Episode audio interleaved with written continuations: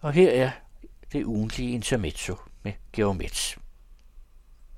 Hvis nogen har glemt det, han selv har det i skjult harme ikke, var Bjarne Korydon finansminister under, eller over, Helle Thorning 2011-14. I Berlingeren forleden kommenterede den nuværende børsens chefredaktør en regering SV.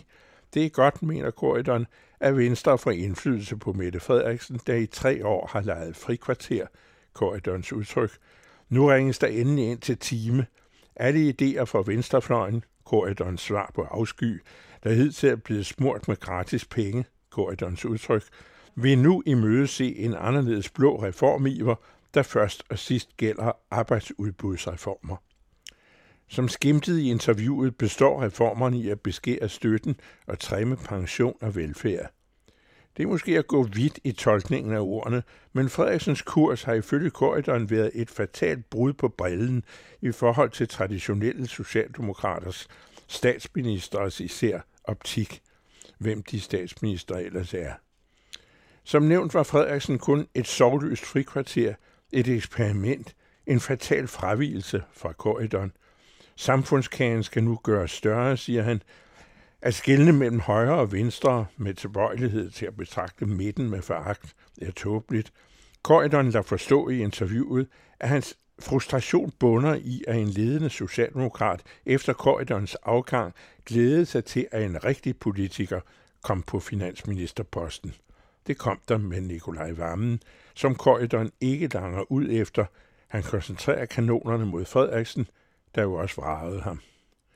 Metaforen frikvarter med skoleklokke, der ringer ind, er ved at bemærke al den stund, at frikvarterer, der er korte i forhold til timerne, frem for tand og fjæs skulle have været anvendt på reformer og ikke solgt bort.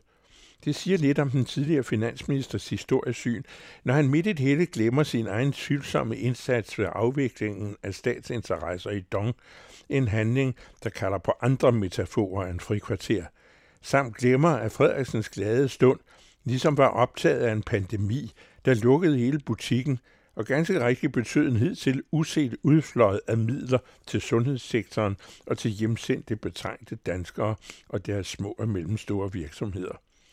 Ikke for noget, men ud fra en selv en forsigtig historisk fremskrivning af Mette Frederiksens år, vil covid være den dominerende faktor i beskrivelsen af hende og af hendes regering. Omstændigheder, mere ofte mindre selvforskyldte, definerer nu engang i et åbent demokratisk samfund de politiske lederes almindelige eftermæle. Erik Eriksen var ham med grundloven og Serutten, af Bo Bøjsen kaldt mundtørven.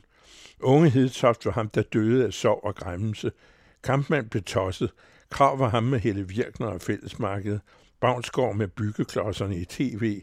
Hartling husker få, bortset fra at han var præst, en hård banan og lesbede. Anker til gengæld var flink og folkelig uden forstand på økonomien. Skytter havde Tamilsagen og Nyrup cykelhjelmen. For Rasmussen vaskede sine vindruer og bedrev kreativ bogføring. Løkke Rasmussen var ham med underbukserne, og hældte Torningen hende med ansigtsløftningerne og Bjarne Korydon. Hvert tilløb til eftertidens taknemmelige erindring om gode gerninger viser sig siden at være frikvarter fra evigheden, samt ærligt talt eksperimenter med samfundets korpus. Hvis man tror noget andet, må man tro om igen. Ikke at fornuften ikke gerne skulle råde, det ville da være fornuftigt. Men det gør den i så fald på usikre præmisser, og her i sovnet med Jørgens Bak til tallet 90. Det er realisme under de politiske vilkårs fornuft. Alt i menneskelivet, inklusive i forholdet til naturen, er frikvarterets eksperimenter over for den virkelighed, der ville slå alle ihjel, hvis menneskene ikke på godt og mindre godt bestandigt abstraheret fra den. Men se, der har vi mindsanden en hule.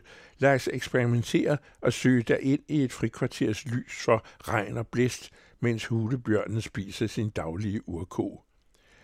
I samfundsøkonomisk analyse, som er selvforblindede specialister forlenes med en autoritet som højrøget overlæger i kommentatorens barndom, går tingene ikke sjældent modsat af dybsindighederne.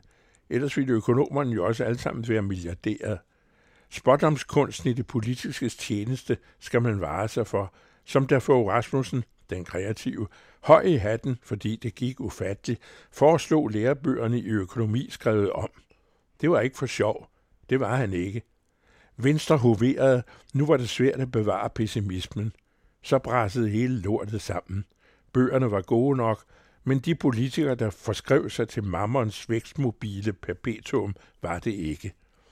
Nu når det midtsøen er på menuen, fortæller Bjarne Korydon, at han skiftevis har klukledet og været forarvet over tiden, der gik uden ham, men at han indskærper sig selv, at han ikke må drille, ikke drille.